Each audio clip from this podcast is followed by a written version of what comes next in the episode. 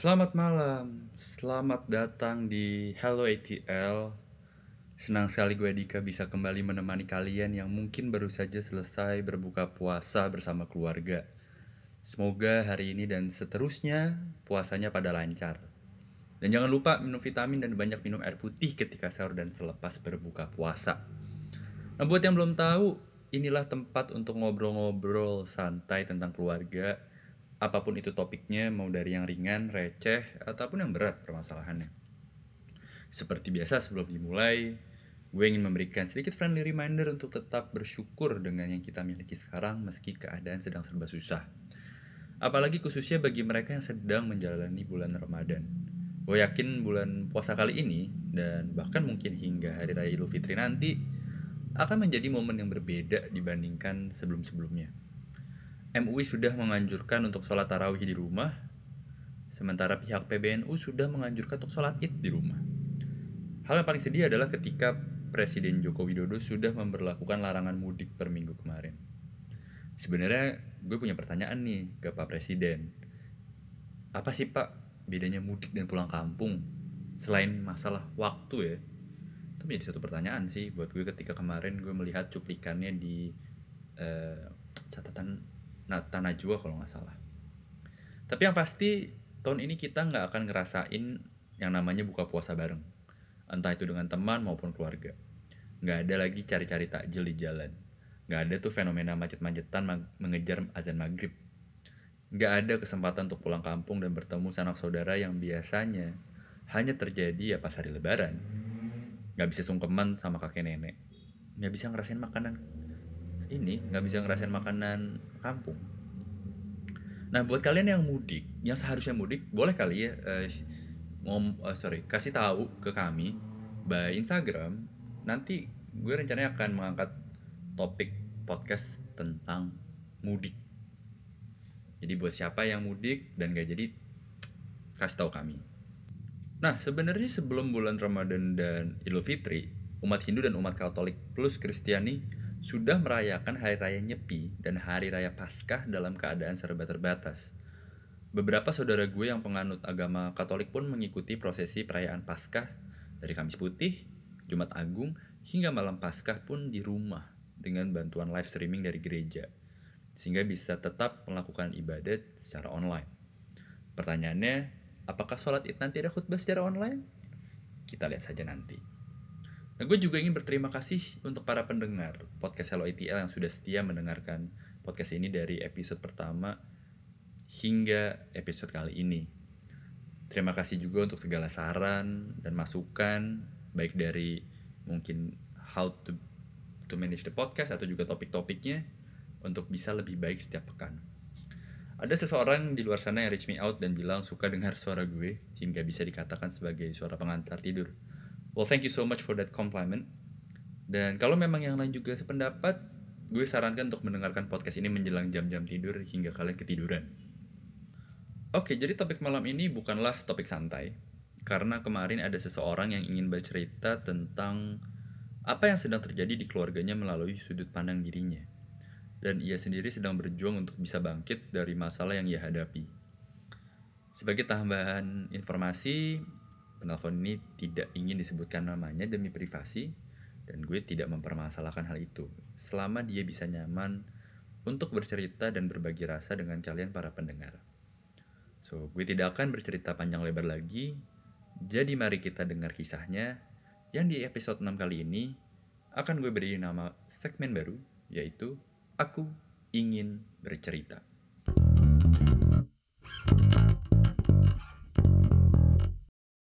Oke, kalau lo tidak berkenan menyebutkan nama, mungkin boleh menyebutkan usia atau sedang apa melakukan apa. Oke, okay, uh, gue 21 tahun. Oke. Okay uh, gue ngomong-ngomong soal sekolah nggak ya? Enggak, gue, uh, gue mahasiswi arsitektur. Oh, lo anak arsi? Iya. Yeah. Wow. Terus, terus? Uh, Kegiatannya sekarang ngapain? sekarang sebenarnya gue lagi exchange di Jepang, cuman lagi tertahan karena COVID-19 ini. Jadi terpaksa sama rektor gue nggak dibolehin keluar. Hmm. Jadi ya udah gue pakai online course, tapi tetap dari univ gue yang di luar sana. Itu kota apa yang di Jepang? Di Tokyo. Oke, okay. di Tokyo. Wow agak ini ya sangat tidak beruntung ya nggak berangkat ke Tokyo dan pas banget pas gue cabut itu lagi pas kan gue cabut ke sini gara-gara spring break itu hmm. terus pas banget dua hari setelah gue cabut hmm. ada Diamond Princess yang di mana itu deket rumah gue deket dorm gue di sana oh oke okay. dari sejak itu jadi gue beneran gak boleh ke sana atau hmm. pokoknya beneran nggak dibolehin lah sama pihak mana pun Hmm. Ya udah deh. Tapi itu uh, exchange-nya selesai kapan? Harusnya selesai tahun ini, ta uh, September harusnya. Oh, harusnya September. Jadi, Jadi kayak gue tinggal setengah lagi tapi nggak bisa ya udah. Jadi ada kemungkinan lo sampai course selesai nggak akan balik ya? Sebenarnya harus ya, karena barang-barang gue masih banyak banget yang di sana. Oh iya. Iya jadi ya mau nggak mau gue harus ke sana tapi pas baru dibolehin pas udah selesai semua ini. Ini lu exchange as a part of memang lu ambil double degree kah atau ada program Karena dari UI? gue wajib keluar untuk biar maksudnya uh, gue tuh ada kewajiban untuk keluar negeri supaya gue lulus. Okay. Dan gue ngambil single degree tapi gue ngambilnya setahun. Oh gitu. Tapi lu sel akan selesai tahun ini? uh, secara apa general? Kalau lulus gue masih gue lulus skripsian soalnya. Belum apa? Jadi masih gue bakal lulus itu huh? uh, sekitar Januari tahun depan. Oh masih Januari tahun depan. Oh mm-hmm. empat, empat, empat setengah tahun? Iya, gitulah. Gitu. Ya semoga lancar ya. Nah, thanks. Oke, okay, jadi apa yang mau lo ceritakan? Sebenarnya uh, lebih ke diskusi sih daripada menceritakan. Oke boleh coba. Kan, lebih uh. bukan menceritakan atau diskusi, mungkin lebih men-spread awareness okay. ke orang lain yang mempunyai perasaan yang sama kayak gue. Mm -hmm. Yang gue jarang banget denger dari obrolan-obrolan santai sama temen gue atau okay.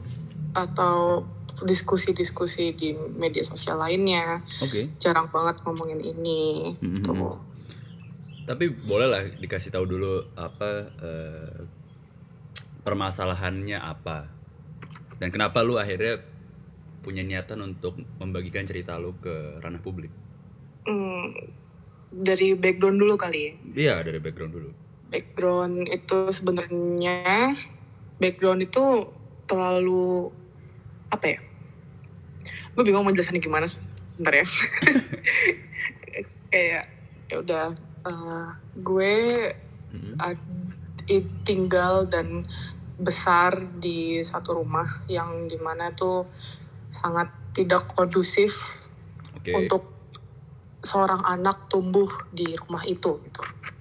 Okay. Gue tinggal bersama uh, satu kakak cowok dan satu adik kecil cowok. Hmm. Jadi gue cewek sendirian di tengah-tengah mereka berdua, hmm. yang di mana kita nggak pernah ngobrol, kita nggak pernah ngomongin perasaan kita sama sama lain, okay. dan nggak pernah mendiskusikan apa yang terjadi di rumah gue gitu. Uh, sorry gue potong sebentar. Uh, usia, gap usia lo, jarak usia lo dengan kakak adik lo berapa tahun? Uh, gue sama kakak gue itu dua enggak tiga tahun gue sama kakak gue tiga tahun hmm. uh, gue sama adik gue itu tujuh tahun. Oh, jauh ya? Jadi iya lumayan. Jadi kayak ada kakak so ada seorang figur kakak yang nggak pernah jadi kakak buat gue dan ada seorang adik yang gue nggak pernah jadi figur kakak buat dia gitu. Oke okay. sorry kakak lu sekarang udah kerja kah? Apa masih kuliah? Uh, sekarang karena dia uh, sekarang harusnya dia kerja. Cuman dia lagi ada masalah dengan apa namanya kayak you know midlife crisis and okay. something like that terus dia tuh kayak jadi dia uh, decided untuk ngambil S2 gitu. Jadi sekarang dia lagi sekolah lagi Di di Jakarta? di Jakarta. Oke. Oke, oke, lanjutkan.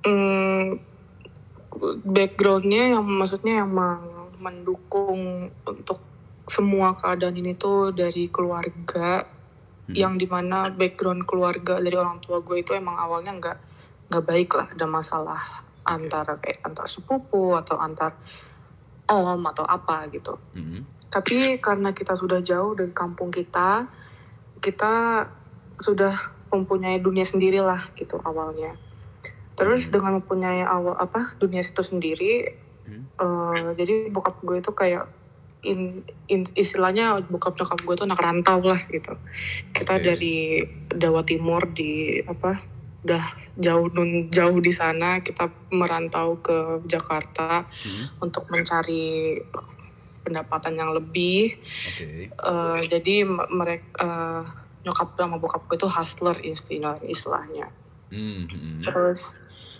karena dia mungkin sangat mencari istilahnya material gitu.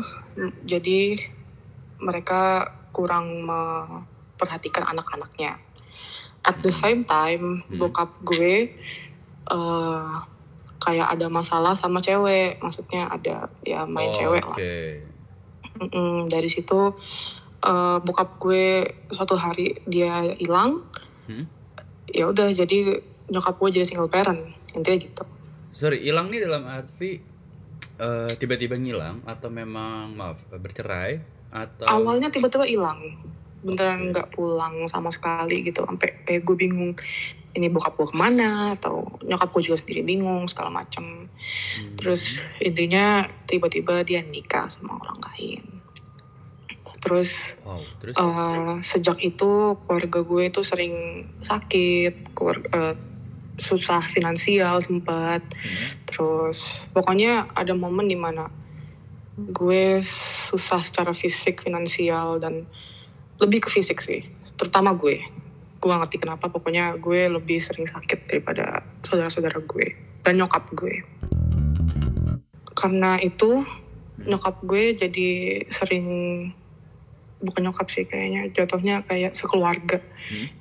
Bingung mau ngapain kayak not function at all gitu loh selama bertahun-tahun dan isinya itu nggak pernah komunikasi soal kayak misalnya sesimpel mengekspresikan emosion eh, emosinya kayak gue tuh lagi kesel Hmm. gue tuh lagi marah gitu nggak nggak ada kayak ya udah diem aja kalau nggak diem kayak bentak-bentak dengan hal nggak penting gitu Sorry, itu dari Kayak nyokap. misalnya- semuanya Oh, semuanya. Terus semuanya terutama eh, termasuk gue kayak gue juga gak ngerti kenapa gue melakukan hal-hal nggak jelas atau nyokap gue yang ngelakuin hal-hal nggak jelas gitu Hmm. terus eh tapi efeknya itu beda banget tiap anak gitu Hmm. gue udah nggak pengen ngomongin orang tua gue lagi gue pengen ngomongin mengemphasize kakak gue gue dan adik gue gitu Hmm. soalnya entah gimana ya gue gue yakin nyokap gue me, apa melakukan yang terbaik buat anak-anaknya dan dia Hmm. juga keren banget dia eh, seorang figur yang bisa menahan beban kehidupan yang berat dan sambil mencari nafkah membesarkan anak tanpa figur suami tapi yang di sini itu entah kenapa anak-anaknya itu kayak susah menerima gitu loh Hmm. the fact that keluarga itu apa sih keluarga tuh menurut lo gitu Oke. menurut lo figur apa keluarga itu apa Buat gue, Mhm. keluarga tuh harusnya jadi rumah. rumah Rumah adalah ketika lu pulang jauh merantau, lu harus tahu lu pulang ke keluarga lu, ke bokap nyokap lu. Ada kakak adik lu juga di situlah tempat awal untuk lu berbagi cerita, berbagi rasa. Jadi ketika menurut gue ada disfungsi ya, ada disfungsi keluarga, ya something's not right gitu dalam keluarga lo dan dan ketika kalian tidak bisa mengatasi masalah internal lo dan lo mencoba untuk memilih tidak membicarakan ini secara langsung itu menurut gue sangat tidak sehat ya Mhm. Karena eh, oke pertanyaan gue, gue mau nanya ke lo. Em, nyokap kerja apa? Nyokap kerja kantoran. Sampai sekarang? Iya. Eh, seven to eh sorry, eight to eight to six Yep. swasta ya? Hmm, enggak juga sih. Oke. Em, apakah lu pernah ngob apa ya kayak berupaya untuk ngobrolin apa yang ada di keluarga lu at least weekend deh Masalahnya nyokap gue juga jarang ada di rumah pas weekend. Karena dia beneran ada di posisi kerjaan yang di mana dia itu harus datang ke kerjaan itu Hmm. even sampai weekend. Dan sekalinya ada weekend juga anak-anak gue beserta saudara-saudara gue itu lebih memilih mencari kehidupan di luar rumah gitu kayak misalnya ketemu temen atau hangout sama siapa jadi eh, apa yang lo bilang keluarga itu gue setuju banget kayak gue yakin ab- eh, abang gue juga ngomong hal yang se- sedemikian rupa gitu. Hmm. cuman eh, untuk kasus gue sama abang gue itu kayak lebih ke apa mendapatkan figur keluarga itu dari luar keluarga. Ngerti nggak? Apakah mem- mendapatkan kenyamanan ah, sorry mendapatkan konteks keluarga itu dari keluarga lain? Iya. Lebih bukan keluarga lain sih, kayak lebih ke apa ya perkumpulan orang gitu. Kayak misal kayak peer group. Itu Hmm. peer group juga sih lebay banget. Ya kayak bisa aja. kayak misalnya gue mendapatkan figur nyokap dari senior gue yang beneran ngurusin gue banget di kampus gitu. Terus Mm-mm. gue mendapatkan figur eh, apa ade dari junior gue yang beneran apa-apa klingi sama gue gitu. Ya oh intinya gitu. oke. Jadi gue merasa eh, keluarga itu lebih dari satu rumah yang lu bisa dapatkan tuh di segala tempat intinya gitu. benar itu keluarga bisa dibentuk dari mana aja sih cuma kan yang paling penting keluarga inti lo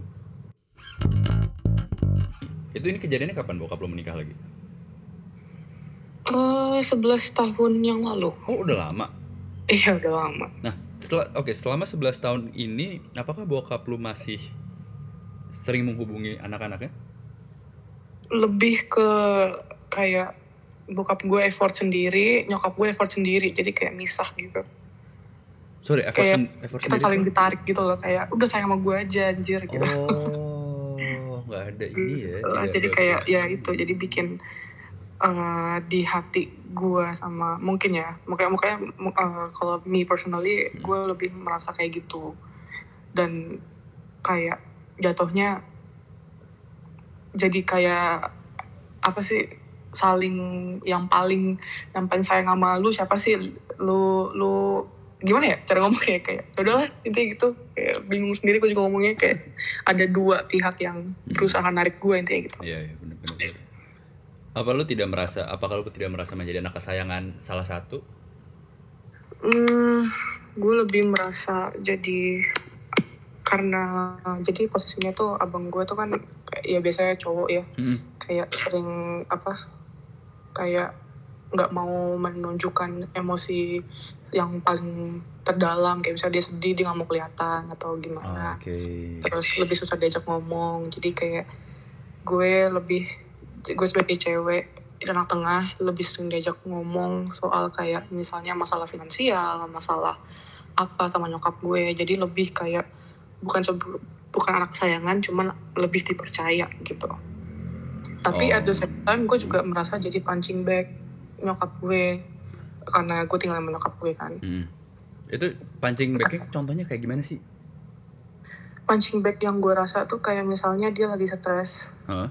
entah itu dia gue mengerti dia stres karena kerjaan atau uh, keluarga atau bokap gue Hmm. dia tuh marahnya ke gue marahnya ke Hmm. gue maksudnya ya uh, kayak ya pokoknya dia marah ke gue lah ngeluarin emosinya ke gue. Dan sebenarnya nggak sampai fisik nggak fisik sih. Eh, maksudnya kalau fisik itu gue udah tahu itu borderline salah. Hmm. tapi kalau ini kayak lebih semuanya keluh kesah ke gue tapi eh, di batas yang gue merasa harusnya gue nggak usah nggak perlu tahu gitu karena gue anak lu.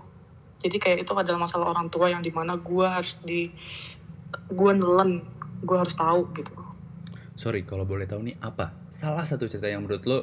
Karena ini ini kan uh, balik lagi ke sudut pandang orang ya soal lu boleh tahu dan lu nggak boleh tahu gitu. Apa yang menurut lo soal apa sih yang menurut lo orang tua tuh nggak seharusnya nggak cerita ke anak gitu? Hmm. Mungkin tentang bokap gue ngetrit keluarganya dia yang itu dan ngetrit menokap gue yang sekarang. Maksudnya uh, gimana ya? Kayak misalnya nyokap bokap eh bokap gue itu kan istilahnya dia tuh dijahatin orang ya. Bokap maksudnya orang iya okay. istilahnya ya orang-orang tuh kayak bilangnya pelakor lah istilahnya. Mm. dia tuh si cewek ini kayak morotin bokap gue terus apa make make tanda kutip bokap gue terus anaknya gue gak ngerti pokoknya anaknya diapain pokoknya suruh morotin bokap gue juga terus ntar nyokap gue juga pancing backnya marah-marah ke gue nya kayak bapak kamu tuh harusnya tuh gini-gini kamu tuh kamu ya pokoknya gitulah okay. gue gak ngerti intinya nyokap gue tuh menceritakan segala detail apa yang dilakukan hmm. uh, cewek itu atau hmm. bokap gue ke nyokap gue atau nyokap gue berpikiran terhadap mereka atau segala situasi itu yang di mana gue merasa dulu gue sebagai umur anak umur 13 hmm. misalnya teenager ya yeah, yeah. gue tuh nggak ngerti gue gue nggak ngerti net gitu hmm. Oke oke. Tapi kan lo sudah 21 gitu. Itu kan sudah hmm. mau dewasa. Bukankah memang seharusnya ini sudah waktunya lo harus mengetahui the truth gitu? Nah, itu yang gue pikirkan sekarang gitu. Okay. Yang gue merasa iya, gue harusnya ngebantu nyokap gue. Hmm. Tapi itu nge-affect to our mental health gitu loh. Maksudnya gue nggak bisa jadi kayak teman gue yang pada umumnya mereka kayak ceria atau oh. menikmati masa SMA atau pacaran yang lebih sehat atau gimana gitu jadi gue merasa gue nggak pernah punya sempat gue nggak pernah nggak punya bukan nggak pernah sih kayak gue merasa terhambat untuk memiliki masa kecil yang harusnya gue miliki gitu. Oke. Okay. Begitu juga kakak, kakak gue dan adik gue gue merasa mereka juga terhambat akan hal itu hmm. yang di mana mereka harusnya nggak seperti itu dan seperti ini sekarang jadi kayak lebih ke pembentukan sejati diri atau mental yang telah dibentuk dalam rumah untuk pergi ke menjalani hidup di sosial kita sekarang gitu. Hmm waktu lu masih panjang untuk mengganti waktu-waktu itu sih menurut gue. Betul, saya jadi, setuju. Jadi ya namanya apa bukan gue nggak mau bilang namanya juga hidup sih, but mm. everybody have their own process ya, everybody yeah. have their own path. Apa sih dampak yang lo paling rasain dalam konteks mental health selama masalah ini terjadi? Lebih ke benci sama hidup dan nggak percaya kalau pernikahan itu bakal happily ever after gitu loh kayak okay.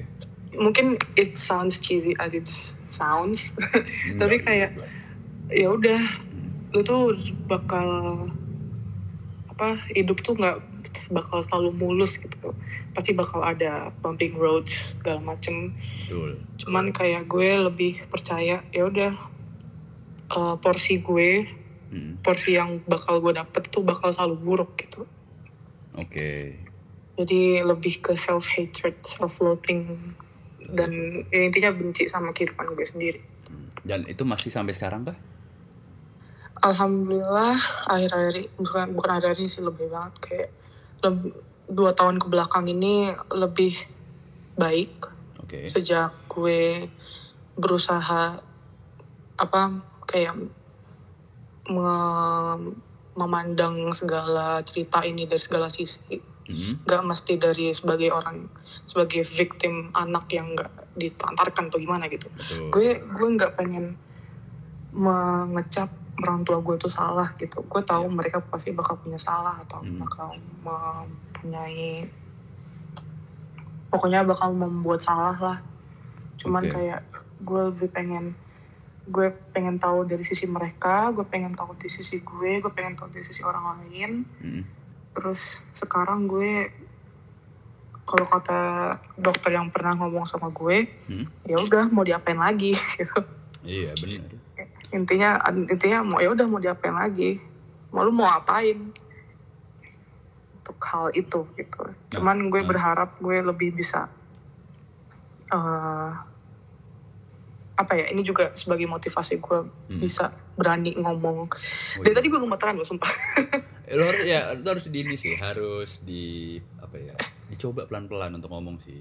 iya makanya maksudnya Hmm. gue tahu apa yang kalau gue diem doang gitu kayak nggak bakal ada apa ya nggak berproses gitu cuman kalau Betul. misalnya gue udah mulai bisa angkat bicara atau berusaha ngomong sama nyokap Hmm. at least ngomong sama nyokap lah kayak Hmm. aku aku tuh marah gitu Mm.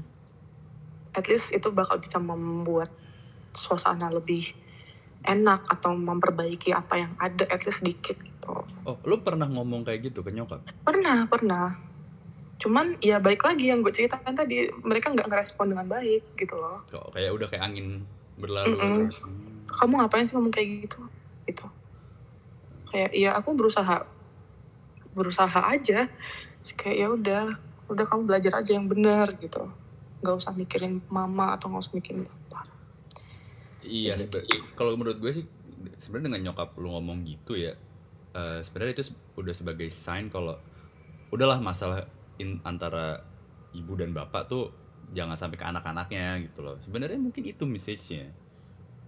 Iya mungkin ya. Cuman ya nyokap lu kayaknya sebenarnya pengen curhat ke lu atau ke anak-anaknya cuman tidak apa ya belum either belum siap atau mungkin takut penyampaiannya salah. Hmm. atau mungkin gue nggak tahu gue gue juga belum nanya sih. Atau mungkin eh, nyokap lu sebenarnya juga tidak ingin kalau di kalau nyokap lu cerita tentang situasi antara beliau dengan bokap lu akan mem- akan membuat anak-anaknya benci bokap lu tanpa mereka sadar. Aku eh gue selalu gak tahu sih karena gue pengen menjadi jujur ke maksudnya gue selalu pengen mereka tahu apa yang gue rasain atau gue pikirkan. Heeh. gue dari dulu udah bilang kalau gue tuh benci banget sama bokap. Gitu. Dan Hmm. gue dan pas gue ngomong itu abang gue dan adik gue juga ikutan. Iya kita juga gitu tapi yang gue tangkep itu kayaknya nyokap gue tuh lebih kayak ke udah ini tuh nggak bakal se- selesai gitu aja. Iya benar udah kalian setuju. uh, continue your life without us kalian jadi sukses udah bakalan bakal punya keluarga sendiri dan bakal lupain sebuah segalanya gitu. Hmm, iya setuju. Gue setuju sih sama itu karena nanti ya lu masih 21 ya. Let's say Iya. 4-5 tahun ke, dep- ke depan sem- semoga ada progres ya positif progres. Amin. Mungkin nanti lu akan lebih menerima sih sama Hmm. situasi. Nggak apa jangan memaksakan lu harus menerima semuanya sekarang. Iya tuh gue juga dulu punya mantan bap sorry iya bapaknya juga menikah dengan eh, wanita lain ya disfungsi juga keluarganya. Hmm. dan akhirnya malah antara suami dan istri tuh punya istri dan suami yang baru masing-masing. Hmm. it happens gitu. Iya. Apa eh, ya berat sih 11 tahun. Lu 11 tahun berat sih. Iya gue udah berusaha udah nggak mikirin lamanya sih. Iya tapi juga lama eh udah Hah? mm, lebih kayak ya udah terima faktanya kalau gue hidup selama ini Mm-mm. maksudnya hampir setengah tahun setengah dari kehidupan gue yang gue jalani ini hidup seperti itu jadi kayak ya udah I'm, I'm good lu selama ini supporting partner siapa? lebih ke sahabat-sahabat gue dan cowok sih Cowok lu? gue uh kayaknya kalau misalnya nggak ada mereka gue nggak bakal bisa berani untuk ngomong sama lo sekarang Apa eh, ketika oke. Gue sedikit geser topik. Lu udah sama lu udah berapa lama sama cowok lu? dua tahun Oh, lama juga. Berapa tahun? Iya kan dua tahun itu dua makanya kata gue bilang dua tahun ini gue mulai bisa berfungsi Dan apa yang diajarkan? Oh sorry, ya apa yang lu dapatkan dari cowok lu inilah untuk ketika lu membahas tentang masalah lu? awalnya gue nggak terlalu cerita banyak sebenarnya gue udah cerita banyak sih sama dia cuman yang paling awal awal banget itu Hmm? pas awal awal jadi sama dia itu dia berusaha nge-proof kalau nggak semua cowok tuh kayak tai gitu kayak nggak semua cowok tuh kayak bokap gue gitu Ya benar. Jadi kayak awalnya dia kayak gitu doang kayak Hmm. dia mem- nge-proof dirinya sendiri kalau gue juga bisa sayang sama lo atau bisa membantu lo gitu.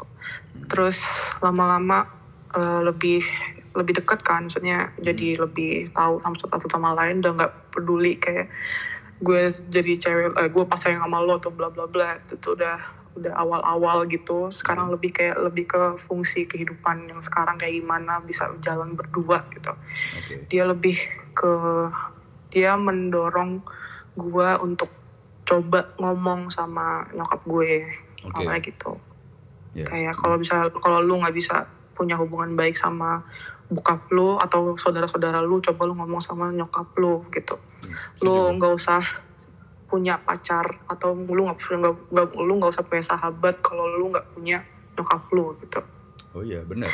Nah, terus. jadi jadi karena gue jadi pada saat itu Hmm. gue sempat banyak ada suicidal suicide attempt Oh, karena gue udah kayak nggak kuat gitu Oke. kayak gue merasa segalanya itu nggak berjalan dengan baik Mm-mm. dan gue merasa emang gue hidup harusnya emang kayak gini gitu gue harus akhir harus mengakhiri segalanya itu sekarang karena gue udah gak kuat lagi pas itu terus kayak eh ya udah gue berusaha karena omongan itu gue jadi ya udah gue coba sekali lagi deh kalau misalnya nggak ada nggak ada progres Hmm. ya udah gue tetap eh, ke plan gue yang awal gitu Untuk bunuh diri. Iya. Terus em, gue mulai ngomong sama nyokap. Hmm. Terus? Sorry, bentar. Terus ya udah Hmm. awalnya gue nggak awalnya gue nggak ngomong kayak ya udah aku kayak eh, aku marah sama mama atau gimana gitu aku nggak nggak ngomong kayak gitu cuman Hmm. kayak ada satu hari di mana gue lagi ah, kayak biasa arsi, arsi lagi bebannya banyak banget kan Oh oke. maksudnya deadline terus revisi segala macem Yep. gitu Hmm. karena arsitek itu eh, arsitektur itu menjadi eh, get out gue gitu loh jadi Oke. apa suatu kerjaan yang bikin gue lupa kalau gue punya masalah gitu jadi makanya gue nge-push diri gue untuk untuk bagus di arsitektur Oke. gue ngerjain segala deadline segala revisi sampai gue nggak apa gue nggak bisa makan gue nggak bisa tidur Mm-mm. pokoknya gue harus bisa at least sukses sa- satu aspek di hidup gue yaitu arsitektur Oke. Terus pada malam itu gue jatuh sakit karena mungkin kecapean atau mau uas. Makanya itu lagi uas. Hmm. Gue dibawa sama cowok gue dan sahabat-sahabat gue ke eh, rumah sakit di deket kampus gue. Oke. Terus gue dibawa ke UGD. Terus Hmm. dokternya juga bingung. Dia gue sakit apa? Terus dicek darahnya dia ngelihat tangan maksudnya kan gue berusaha untuk cutting jadi iya jadi kan jadi ceritanya gue cutting dari dulu maksudnya nggak dulu dulu banget sih cuman kayak gue punya kebiasaan cutting karena gue kecanduan. Mm-mm. terus dia ngecek tangan gue buat ngambil darah tapi susternya kayak diem kayak dia cuma senyum ke gue. Tapi pas dia udah ngambil darah ada dokter yang datang untuk- buat ngewawancarain gue kayak apa yang kamu rasain atau gimana. Dan dia membuat record di Hmm. situ Oke. terus eh, apa namanya gue gue kan emang nggak pernah ngomong sama nyokap gue atau gimana karena posisinya relationship gue sama nyokap gue tuh lagi buruk gitu loh Oke. maksudnya gue nggak bisa gue nggak mau mengganggu dia gue, gue juga nggak mau diganggu sama dia gitu Hmm. ada momen di mana pas itu gue beneran nggak bisa bangun lagi gue panas tinggi jadi gue di kosan doang sampai nyokap gue datang ke kosan gue karena oke. itu posisinya udah parah banget lah gitu. Hmm. jadi eh, nyokap gue tahu dan dia tuh nggak sengaja ngeli. Dia kan kayak dia datang terus kayak dia ngelihat obat-obat gue apa yang dikasih gitu sama dokter. Nah terus dokternya membuat record tuh ternyata panjang banget. Hmm. beneran sewawancara itu. Terus nyokap gue baca. Kayak gue pengen membunuh diri gue sendiri atau gue melihat hal-hal aneh gue mendengar hal-hal aneh Oke. terus eh, ya udah dia cuman at that moment Hmm. dia mulai kayak tahu kalau gue itu bermasalah saat dari dari situ Oke. Nah, baru dia na- kayak, tapi dia nggak ngomong kamu kenapa, kamu Hmm. apa yang kamu rasain, kok kok bisa kayak gini gitu. Hmm. Dia cuman kayak, balik dia kan orangnya religius mampus ya, maksudnya Hmm. background nyokap gue itu Islami banget lah. Oke. Dia tuh cuman bilang gue tuh kurang sholat, gue tuh kurang ingat sama Allah atau gimana. Jadi kayak ya udah gitu Hmm. tapi dia tahu kalau gue bermasalah nah di situ gue mau menggunakan kesempatan itu untuk ngomong gitu kalau "Im, ya udah mama nggak salah kok gitu maksudnya gue aku nggak pengen nganyalahin mama kalau mama kayak gini gini gini. Cuman ya udah mama tahu kalau aku kayak gitu. Aku cuman pengen ini mem- apa men- apa membuat situasi keluarga yang lebih baik aja nggak kayak dulu dulu Hmm. gitu. Again dia responnya juga nggak respon nggak terlalu responsif cuman gue ngeliat tuh akhir-akhir ini pas gue ke pokoknya pas gue baru balik dari Jepang Hmm. dari exchange ini kayak dia lebih nanyain gimana sekolah Hmm. profesor kamu udah ngomong gimana gitu. Terus apa nanti mama masakin ini ya. Jadi kayak lebih komunikatif lah istilahnya. Dan menurut gue itu suatu big step juga buat keluarga gue gitu. Jadi gue sama nyokap gue lagi lebih ngobrol dari situ Apa kakak Gitu. lo aja? Ke kakak adik lo? nah nah kakak adik gue lebih susah untuk gimana ya jadi abang gue itu backgroundnya ban- lebih banyak tahu yang buruk-buruk daripada gue karena dulu kan karena dia lebih tua kan Iya. jadi dia lebih tahu banyak duluan daripada gue gitu dan dia juga sempat ada physical uh, sama bokap gue abi- nggak abuse juga sih lebay banget cuman ada physical gitulah dan dia lebih benci banget sama bokap gue Oke. jadi dia tuh lebih lebih apa ya lebih parah lah istilahnya eh, dari segi mental health-nya ya. Nah dia Hmm. tuh terpengaruh ke physical and motoric sensor menurut gue karena dia nggak bisa fokus dia nggak bisa nahan emosi Hmm. dia nggak bisa nahan pokoknya segalanya tuh beneran dia out of control dari dia sendiri gitu loh jadi dia jadi susah untuk merespon omongan yang seperti ini atau pokoknya function dia tuh lebih sulit daripada gue jadi abang gue itu lebih sulit untuk men- menjalani hari-hari itu khususnya di keluarga ya. Dia tuh selalu pengen pergi pergi nongkrong gitu. Hmm. yang di mana gue eh, setuju. Maksudnya gue meng- mengerti gitu. Gue mengerti perasaan dia. Hmm. dan dia juga selalu dibanding-bandingkan sama bapak sama bokap gue.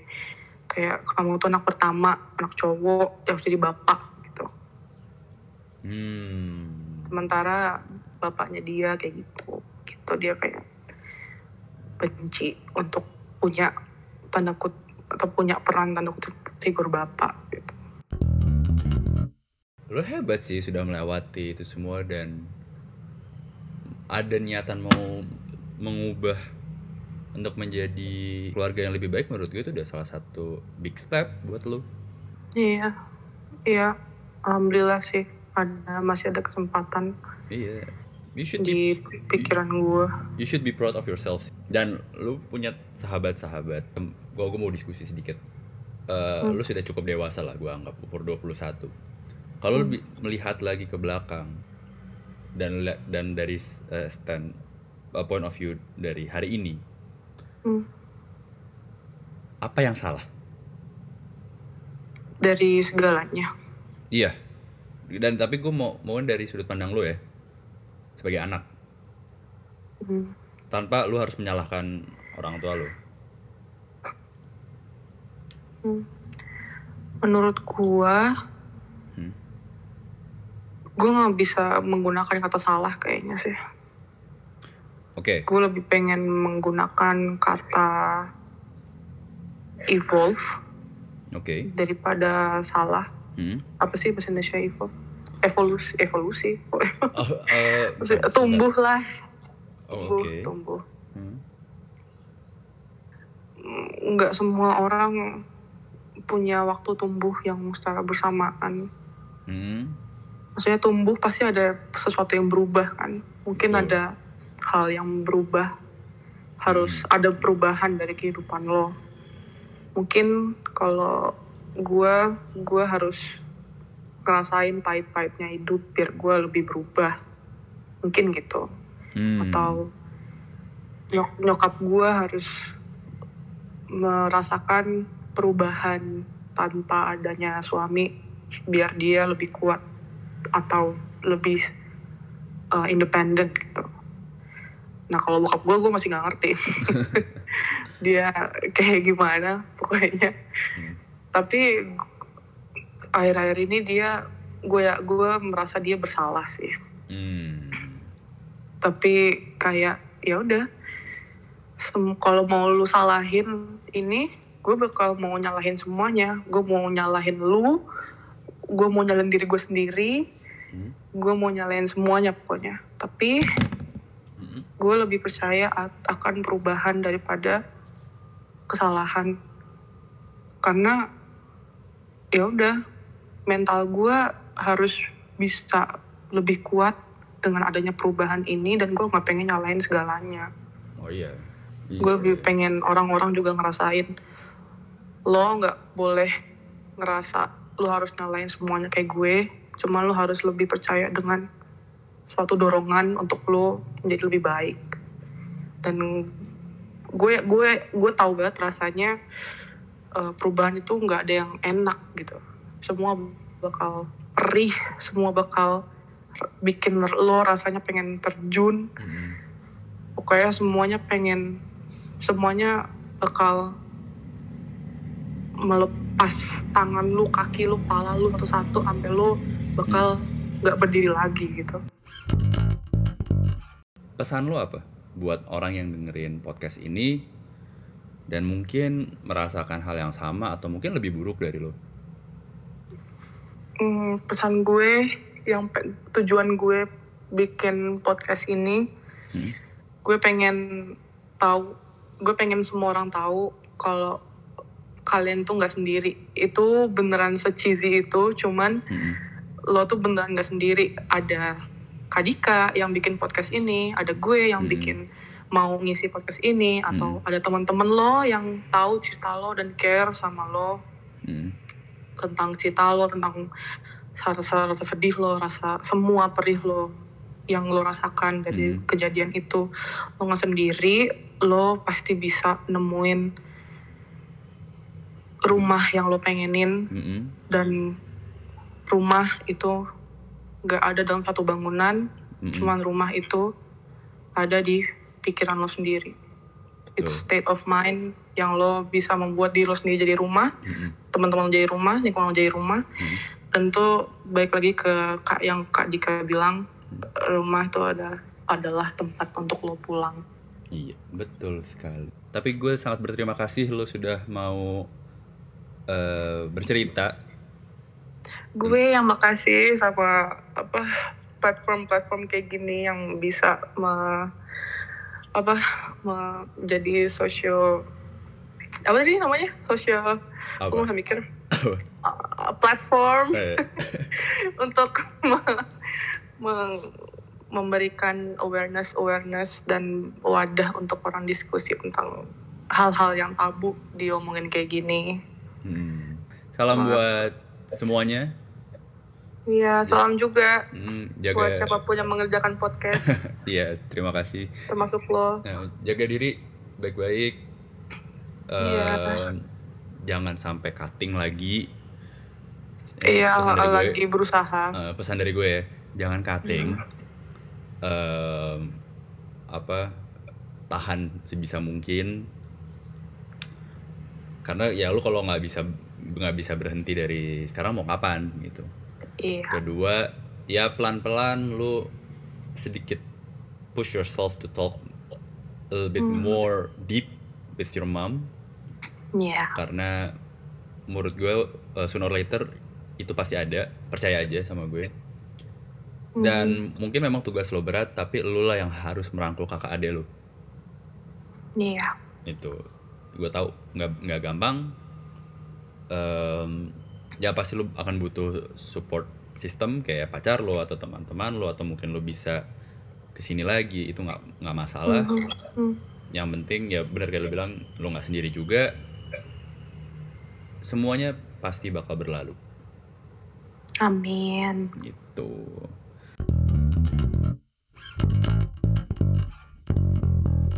Wah itulah tadi percakapan gue dengan seseorang ini dan ternyata tidak semudah itu ya menjadi seorang anak yang hidup dan tumbuh dengan disharmonisasi orang tuanya. Ditambah dia anak tengah gitu. Kejadian ini hampir sama dengan salah satu episode di mana sahabat gue bernama Rasis juga tumbuh dan besar dalam perceraian orang tua meskipun pada akhirnya ayahnya kembali lagi kehidupan anak-anaknya. Selama percakapan kami berdua terekam, sebenarnya muncul pertanyaan-pertanyaan di benak ini. Apakah orang tua pernah memikirkan bahwa keputusannya untuk berpisah akan berdampak panjang kepada perkembangan dan pertumbuhan si anak? Apakah orang tua pernah memikirkan cara untuk bisa tetap terlihat harmonis agar sang anak merasa aman, nyaman, dan tentram selama ia tumbuh dan berkembang? Atau apakah memang ego dari masing-masing orang tua ini sudah tidak bisa lagi diredam, sehingga secara tidak langsung tersalurkan ke sang anak? Pertanyaan inilah yang gue tidak bisa jawab karena gue belum pernah merasakan menjadi orang tua. Mungkin suatu hari nanti ada orang tua yang bersedia bercerita atau menyampaikan pendapatnya tentang alasan mengapa perpisahan itu tidak terelakkan.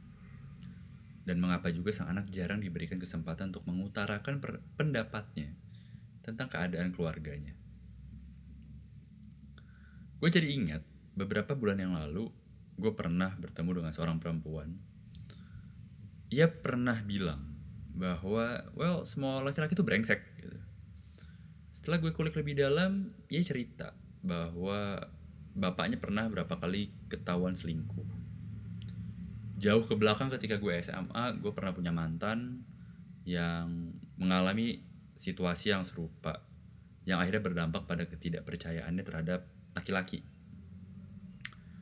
Dan gue cukup yakin ada beberapa dari pendengar setiap podcast ini berada di posisi yang sama seperti dirinya.